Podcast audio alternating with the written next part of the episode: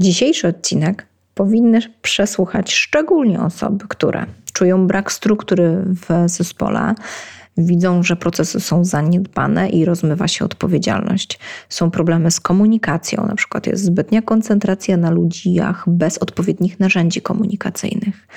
E, mamy zbyt duże, duże zaufanie do jednostki i na przykład cała struktura opiera się na jednej kluczowej osobie i stanowi to ryzyko ogromne, jeśli ta osoba odejdzie.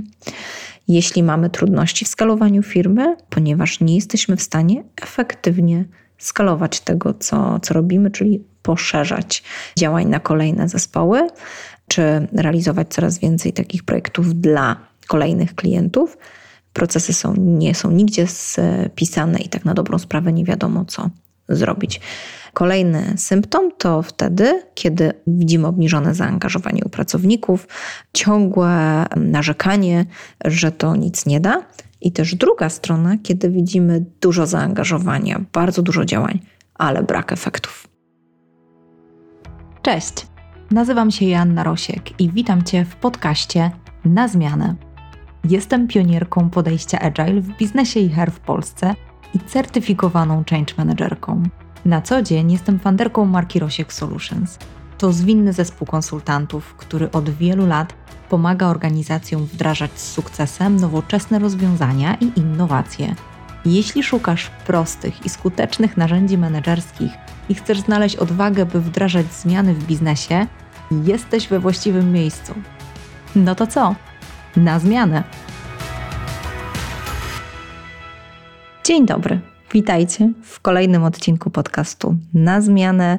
Dziś rozkładam na czynniki pierwsze kolejny temat dotyczący zwinności i kolejną wartość manifestu. Gryziemy temat człowiek czy proces. To jeden z największych dylematów biznesu. W co inwestować? Na co położyć nacisk? Na ludzi, ich ciągły rozwój, feedback, wiarę, że dostarczą efekty, czy proces, bo tam właśnie leży efektywność. Od czego zacząć? Dziś dlatego właśnie tę wartość ludzie oraz interakcje ponad procesy i narzędzia omawiam właśnie z Wami. W poprzednim odcinku, w odcinku dziesiątym, omawiałam ostatnią wartość manifestu reagowanie na zmiany ponad realizacją założonego planu. Od niej zaczynałam, bo to największe wyzwanie, a jednocześnie największa wartość, jaką daje zwinność. Mówiłam też o tym, jakie jest sedno w samym manifestie zwinności, więc bardzo Cię zachęcam, żebyś wrócił, wróciła do niego warto. Dziś omawiam wartość pierwszą i zacznę od tego, czym jest proces. Jeszcze raz powtórzę tą wartość ludzie oraz interakcje ponad procesy i narzędzia. Więc no, domyślam się, że człowieka wam definiować nie trzeba, więc skoncentruję się na tym, żeby zdefiniować proces. Dlaczego? Dlatego, że mam takie poczucie, że są dwa takie bardzo nadużywane słowa w biznesie: strategia i proces. I generalnie, jak zapytamy, pytamy zresztą naszych uczestników warsztatów na, na sali, co rozumieją pod słowem strategia i co rozumieją pod słowem proces, to ile uczestników na warsztatach tyle różnych definicji.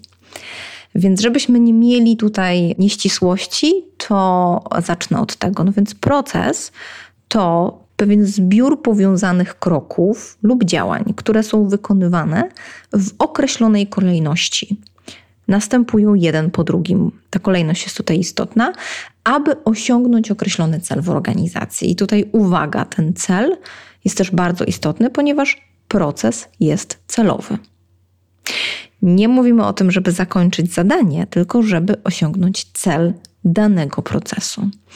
No i to już nas wprowadza na bardzo ważny trop, a mianowicie, czy procesy w organizacji są powiązane z celami, czy nie. Ale nie będę się w tej chwili nad tym pochylać, czyli mamy zbiór powiązanych kroków lub działań, które są wykonywane w określonej kolejności, aby osiągnąć określony cel w organizacji. I teraz żebyś mógł sprawdzić, mogła sprawdzić, czy rzeczywiście masz procesy w organizacji w takim rozumieniu, to zadam jeszcze pięć pytań. To są takie pytania, które bardzo nam się sprawdzają. Oczywiście mamy też dłuższą listę pytań, bardziej szczegółową, żeby zdiagnozować efektywność procesową i projektową w organizacji. Natomiast dzisiaj na potrzeby tego odcinka te pięć takich pytań, które pomogą Ci zweryfikować, czy faktycznie masz procesy w organizacji. Pytanie pierwsze. Czy proces składa się z klarownych etapów opisujących kryteria sukcesu, zadania, które muszą być wykonane w ramach danego etapu i czy są tam zadania obowiązkowe i zadania dodatkowe? Jakie są wskaźniki, które mierzymy na każdym etapie procesu i jakie narzędzia stosujemy na tym etapie? Czy jeszcze raz, czy proces składa się z klarownych etapów opisujących kryteria sukcesu, zadania obowiązkowe i dodatkowe, wskaźniki i narzędzia? Chwila na refleksję i idziemy do drugiego pytania. Ok, to czy procesy są tworzone wspólnie z zespołem? Można by było nawet zadać takie pytanie, czy zespół rozumie te procesy i je współtworzy. To jeden z najczęściej popełnianych błędów, czyli wdrożymy procesy i pokażemy ludziom: O, tak teraz działajcie. Trzecie pytanie: czy procesy uwzględniają perspektywę klienta? I moglibyśmy tutaj dodać kolejne pytanie, które brzmi tak: czy wiesz, kto jest klientem Twojego procesu? Dla kogo tą wartość dostarczasz? Czy znasz swojego klienta? Ale już nie będę się tutaj rozwodzić dalej, więc skoncentrujmy się na tym, czy procesy uwzględniają w ogóle perspektywę klienta. Pytanie czwarte. Czy mierzymy procesy poprzez wskaźniki? Czy w ogóle dzieje się ten pomiar? Bo oczywiście o tych wskaźnikach mówiłam w pierwszym pytaniu, więc nie wystarczy je mieć, trzeba jeszcze mierzyć. I piąte pytanie: czy mamy w firmie wypracowaną kulturę usprawniania procesów i czy faktycznie usprawniamy te procesy? Czyli nie wystarczy ich mieć. Trzeba jeszcze mieć świadomość, że procesy będą ewoluować, bo zmienia się świat.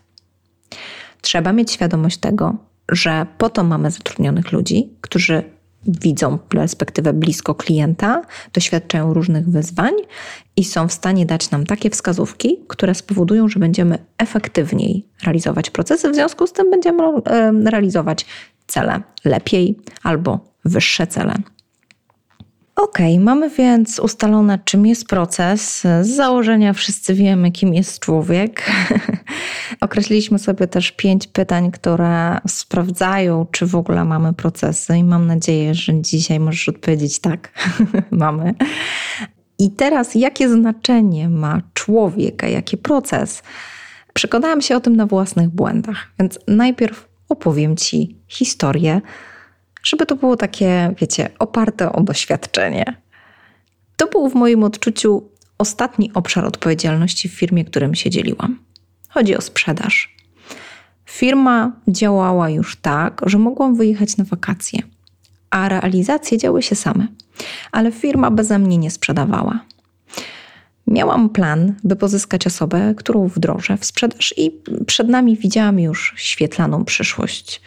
Wzięłam nawet osobę z branży z doświadczeniem, no cacy, proces rekrutacji poszedł dość sprawnie, byłam zadowolona bardzo z e, pozyskanej osoby, zebrałam szeroko referencje, aż do momentu, gdy relacja pomiędzy zainwestowanym czasem na wdrożenie tej osoby, a oczekiwaniem efektów zaczęła zbliżać się do punktu granicznego. Kolejne szanse w naszym systemie zarządzania relacjami z klientami spadały. Zaczęłam słyszeć od tej osoby o kryzysie na rynku, o tym, ile działań wykonuje. Ci, co pracują w sprzedaży, to znają takie typowe pojęcie sieje, sieje, prawda? Przecież działam, spotykam się, wszystko robię tutaj. Widać było ogromne zaangażowanie i to bez dwóch zdań, to fakt. Znacie to, prawda? Taki człowiek wygląda na zapracowanego, zajętego, tyle robi, ale często też rzeczywiście naprawdę dużo pracuje i, i bardzo mocno się angażuje i próbuje osiągnąć efekty. I często jest w tym po prostu dobra intencja. Aż wreszcie pewnego pięknego, szarego dnia wszystkie szanse sprzedażowe otwarte przez tą osobę spadły. Autentycznie jednego dnia. Wszystkie z tego samego, jakże precyzyjnego powodu. wybraliśmy inną ofertę. To był dzień prawdy, ewidentnie. Odkryłam, że ta osoba w ogóle nie ma możliwości zdobycia feedbacku, nie jest tam zbudowana relacja, zostaje z niczym, nawet nie wie dlaczego. I wtedy mnie olśniło. Ja coś przegapiłam. Zerknęłam we wszystkie szanse, w każdej z nich znalazłam etapy, które nie zostały zrealizowane, albo nie zostały zrealizowane tak, jak powinny być zrealizowane. No właśnie, tylko co to znaczy to powinny. Mogłam widzieć to wcześniej. Sęk w tym, że skupiłam się na indywidualnych rozmowach, na pracy z tą osobą, a w zasadzie to słuchałam relacji ze spotkań, zamiast obserwować tą osobę podczas spotkań sprzedażowych. Skupiałam się na tej osobie, na jej rozwoju, na tym, dlaczego jej nie wychodzi, na tym, co powinna zrobić lepiej, co ja mogę zrobić lepiej, na człowieku. A proces? A i owszem, był wprowadzony w CRM, ale nie był ani w pełni realizowany, ani zrozumiany, ani przeze mnie szczegółowo egzekwowany. Co więcej, dziś wiem, że nie był napisany z perspektywy klienta. Handlowiec więc odznaczał wysłanie oferty, ale nie sprawdzał na przykład, czy klient rozumie tą ofertę, czy ma jeszcze jakieś obiekcje, czego potrzebuje, żeby rozumieć nasze wsparcie. I żebyśmy mieli jasność, prowadzę swój biznes od 7 lat, a ponad 16 lat wdrażam w organizacjach efektywność projektową i procesową. I przeprowadzam przez zwinne transformacje w biznesy o skali od 50 do 43 tysięcy pracowników. I ta różnorodna skala, za którą jestem wdzięczna, daje mi szansę obserwować, co w tych organizacjach działa i co nie działa, między innymi procesy. Zresztą od lat, dzięki zwinnemu podejściu, pomagamy organizacjom wdrażać i jednocześnie usprawniać procesy. Ale przełożenie tego doświadczenia na własne doświadczenie w budowaniu swojej organizacji, to w obszarach sprzedaży, nie było dla mnie oczywiste. Było to dla mnie jasne w metodyce projektowej, że proces jest fundamentem, więc był wdrożony. W naszym modelu nauki zwinności zresztą proces jedno, jest jedną z trzech głównych płaszczyzn i to jest proces, narzędzia i kompetencje, czyli mindset. Ale budując dział sprzedaży, w zasadzie wdrażając tą pierwszą osobę, dokładnie w tym obszarze popełniłam największe błędy. Dlaczego? W moim odczuciu, bo nie miałam doświadczenia level wyżej. Nie układałam wcześniej procesów sprzedażowych, nie zarządzałam nigdzie działem sprzedaży, a doświadczenie w rekrutowaniu handlowców, a i owszem, miałam szerokie, ale to za mało. I pewnie znacie takie powiedzenie, które przypisuje się Einsteinowi, że człowiek nigdy nie rozwiąże swoich problemów, jeśli pozostanie na tym samym poziomie myślenia, na jakim był, kiedy one powstały. W związku z tym, na tamten moment nie byłam w stanie rozwiązać swoich problemów, bo nie miałam doświadczenia level wyżej. I tu jest miejsce na konsultanta. Po to go kupujesz z rynku, po to ja go w końcu kupiłam z rynku, żeby zyskać doświadczenie level wyżej, a nawet kilka leveli wyżej, bo zwykle dbam o to, żeby to były osoby, które są o wiele dalej niż tylko jeden krok. Żeby za często nie zmieniać konsultantów. Dziś swoją drogą uważam, staję się lepszym konsultantem, i, bo sama korzystam z konsultingu, za niego płacę. Wiem, jaką perspektywę ma klient i sama dążę do wchodzenia na kolejny level wyżej, żeby być inspiracją dla moich klientów, żeby właśnie wnosić tą, tą perspektywę kilka leveli wyżej. To taka mała dygresja na temat y, wdrażania zmian samemu, ale wróćmy do tematu proces czy człowiek.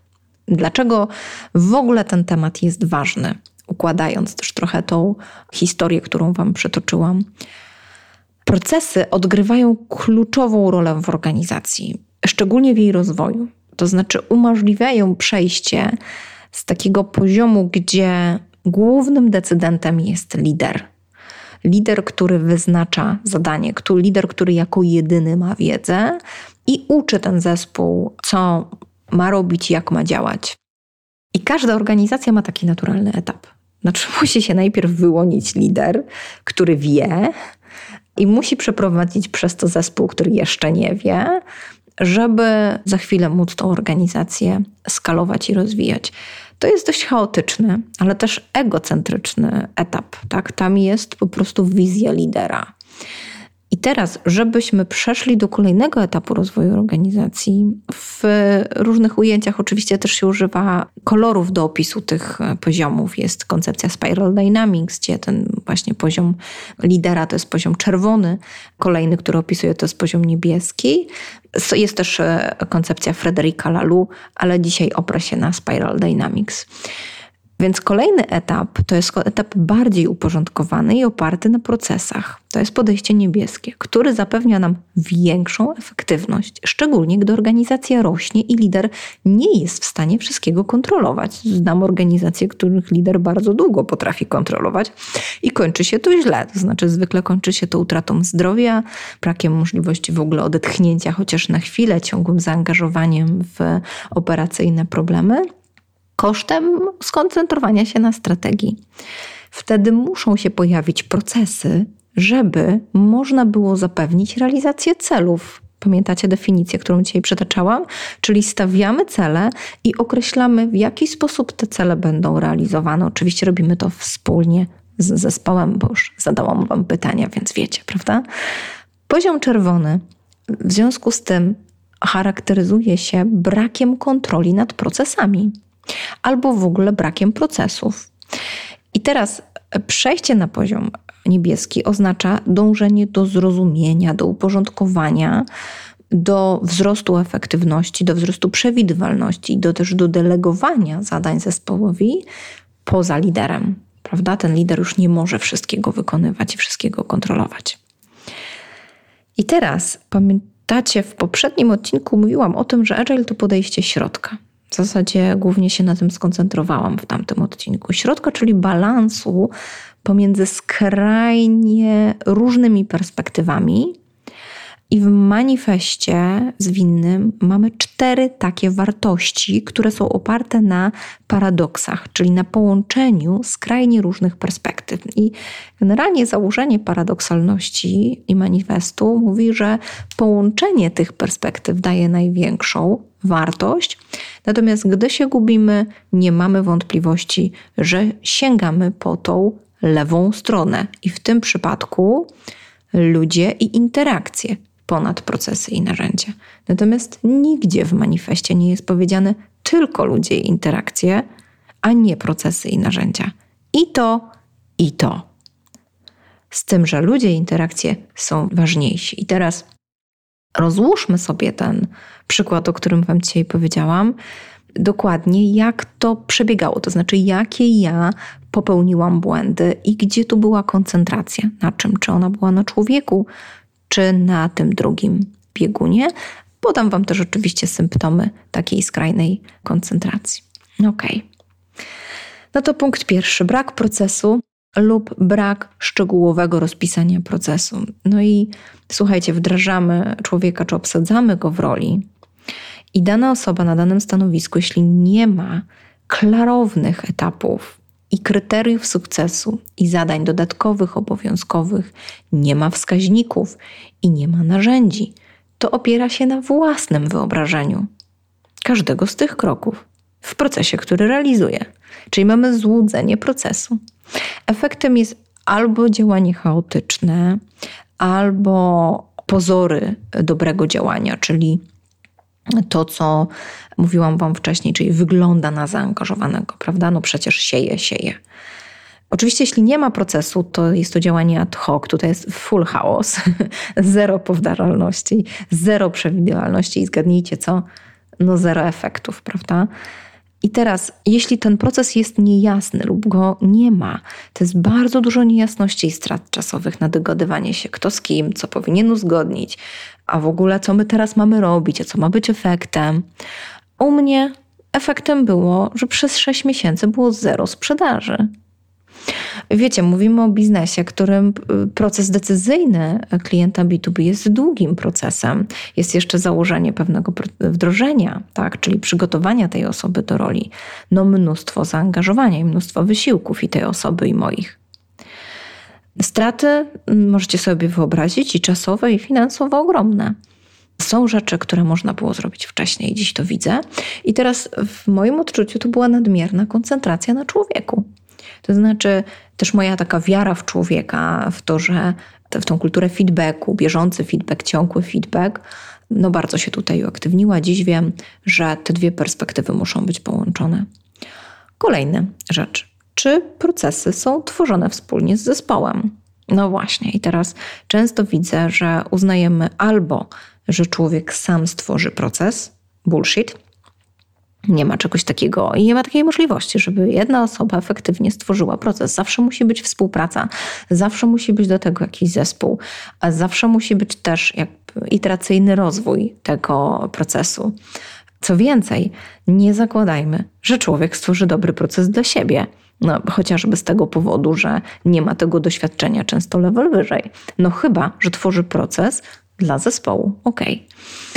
I oczywiście gwiazdeczka, niech to robi wspólnie z zespołem. Druga perspektywa to jest jeszcze taka, czy faktycznie tworzymy z tym zespołem proces w odpowiedni sposób, to znaczy, czy ich angażujemy, czy jesteśmy w stanie stworzyć taką atmosferę bezpieczeństwa psychologicznego, gdzie ludzie nam po prostu powiedzą, co nie działa gdzie nie osiągają tych efektów i dlaczego nie osiągają. Że my możemy sobie stworzyć świetną iluzję pracy zespołowej, ale generalnie ludzie nam nie powiedzą prawdy, bo na przykład będzie to oznaczało, nie wiem, dużo trudniejszą pracę dla nich, albo nie ma w organizacji kultury otwartości i szczerości.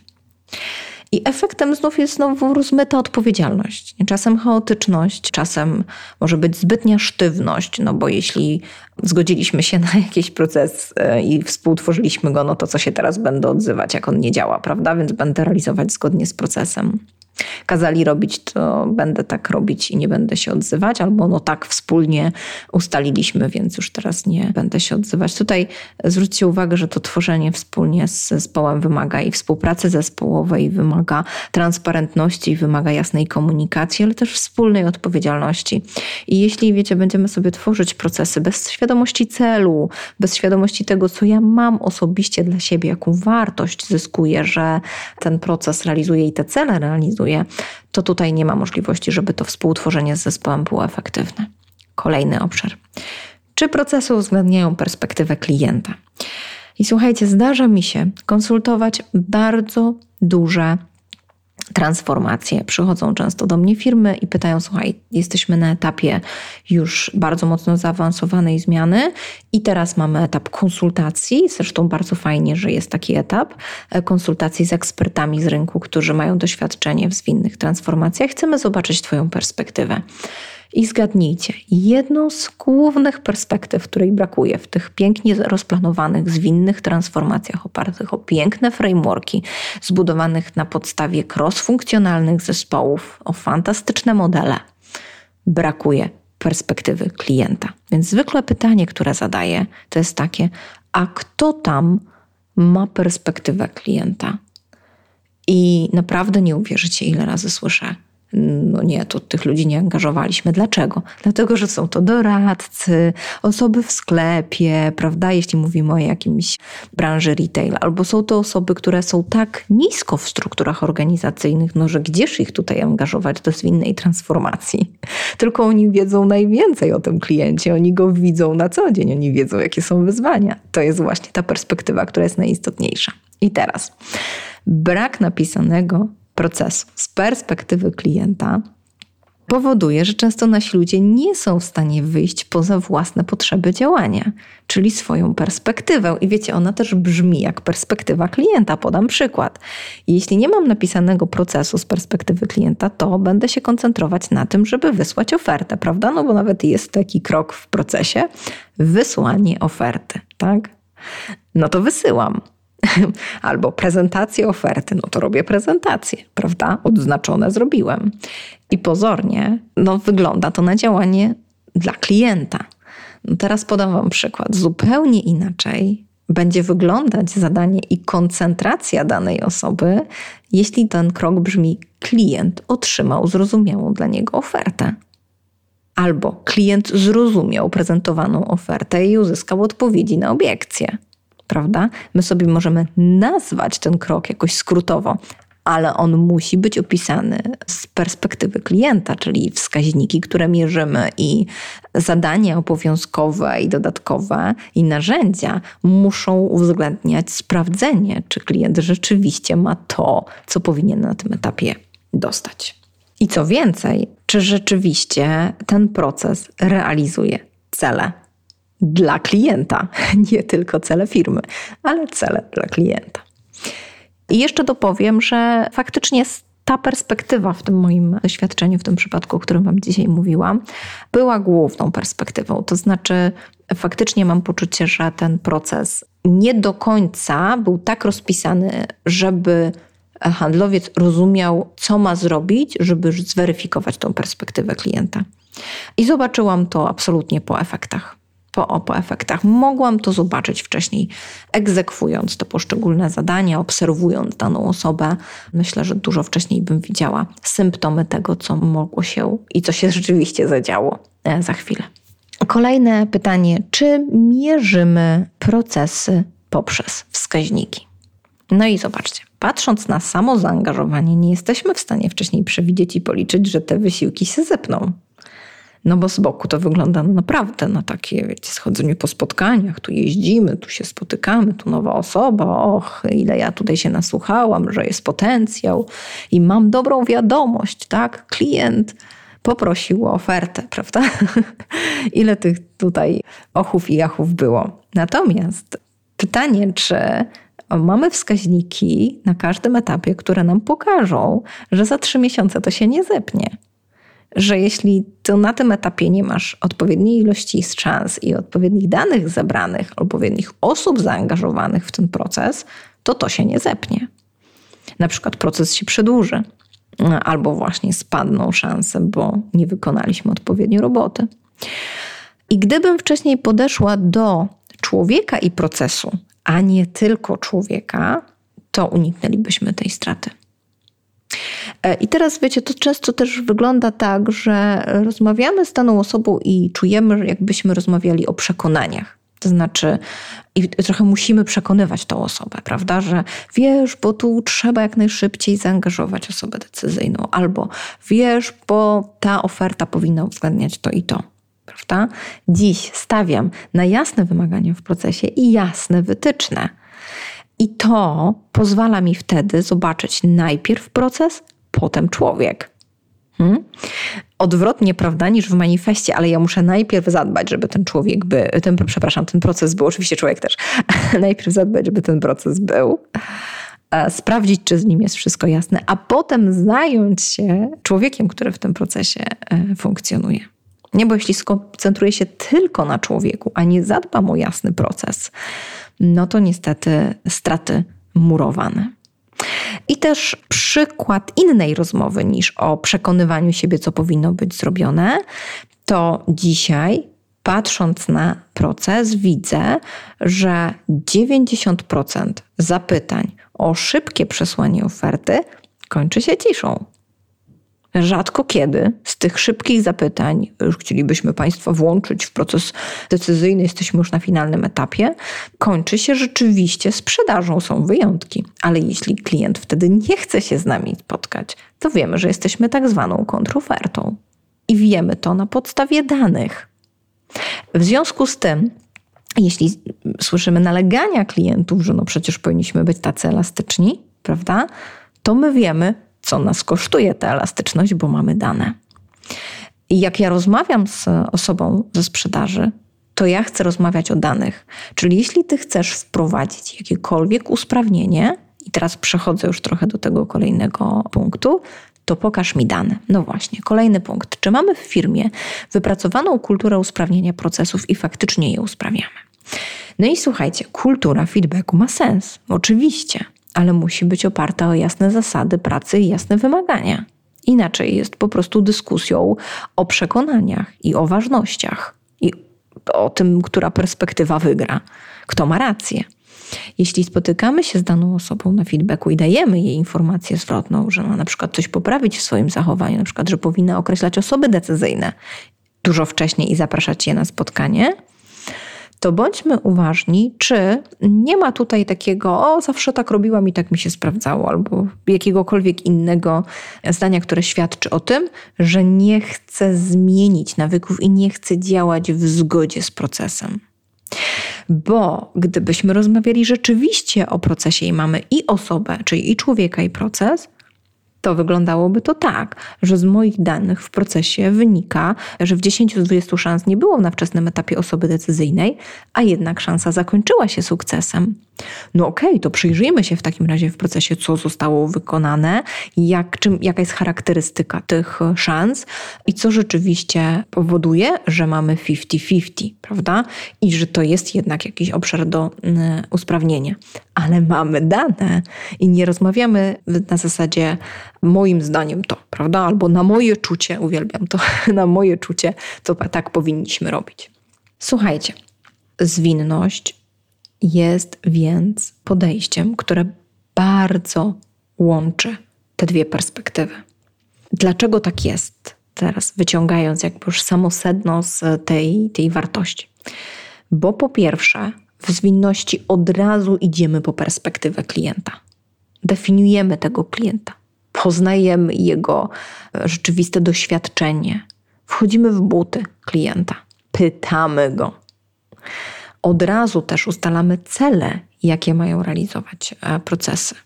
No bo w zwinności na początku ustalamy cele, a potem zastanawiamy się, co powinno być wykonane, żeby te cele zostały zrealizowane i wybieramy fragment po fragmencie, z kroku na krok, co teraz będziemy, jaką wartość teraz będziemy dostarczać. Ale bez celów ani rusz. Co więcej, pracując nad wdrożeniem produktu lub procesu, pracujemy w ustrukturyzowanym procesie. Już to tłumaczę. Sama zwinność jest zwykle realizowana w oparciu o jakiś framework albo oparciu o jakiś system pracy danego zespołu, czyli ramy pracy danego zespołu, mówiąc po polskiemu. W związku z tym wiemy, kiedy się spotykamy, wiemy, jaki jest cel tego spotkania, z czym powinniśmy wyjść. Oczywiście ustalamy na bieżąco też z interesariuszami te cele, krok po kroku. Czyli to nie jest tak, że my sobie dziś robimy jedno spotkanie i zastanawiamy się, kiedy się spotkamy na kolejnym. Wiemy to z góry. Zazwyczaj są to sprinty, czyli cykl pracy, który jest sztywno określony. Dwa tygodnie, miesiąc, czasem tydzień, choć wtedy jest troszkę więcej pracy.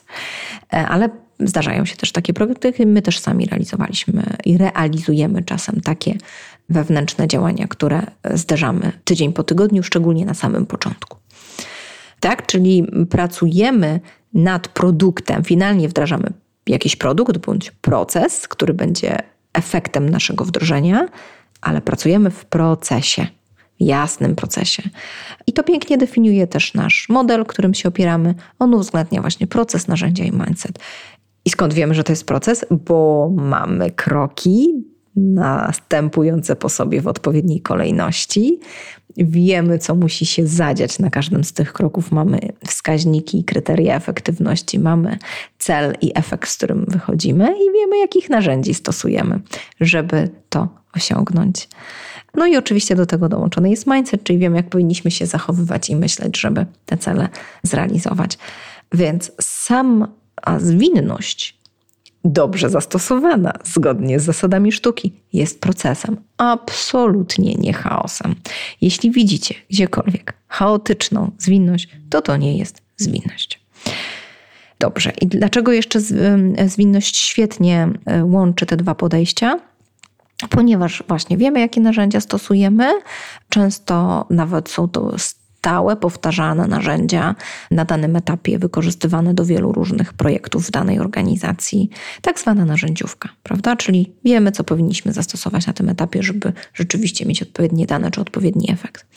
I co więcej, łączymy to z kulturą feedbacku, to znaczy z jednej strony koncentrujemy się na tym, co powinniśmy zrealizować, ale z drugiej strony ciągle sięgamy po perspektywę klienta czy jego feedback i ciągle sięgamy po perspektywę zespołu, czyli jak nam się pracuje. To są tak zwane zwane retrospekcje, ale też tak zwane demo day, gdzie sięgamy po tą perspektywę klienta, kiedy przedstawiamy mu rozwiązanie. Oczywiście zbieramy też perspektywę interesariuszy, którzy właśnie na bieżąco weryfikują z nami cele. I proces, i człowiek, i jedno, i drugie. niezwykle ważne połączenie. Uff, przebrnęliśmy przez całkiem trudny punkt. Mam nadzieję, że po dzisiejszym odcinku wiecie już, czym jest proces, jakie pytania zadać sobie, żeby ten proces sprawdzić, znaczy sprawdzić, czy mamy procesy. Myślę, że dużo więcej wiecie, co powinny zawierać procesy, żeby rzeczywiście nazywały się procesami. I mam nadzieję, że na podstawie mojego doświadczenia rozumiecie, czym jest nadmierna koncentracja na człowieku. Finalnie zakończyło się rozstaniem, to znaczy w pewnym momencie nie byliśmy już w stanie rozmawiać o tym, w jaki sposób powinny dziać się te procesy, bo jakby relacja zainwestowanego czasu do braku efektów była zbyt e, duża i krótko mówiąc, nie było to opłacalne. Musiałam tą lekcję odrobić. Dziś, będąc dwa lata po tym doświadczeniu, faktycznie widzę, że to jest to połączenie procesu i człowieka jest niezwykle ważne.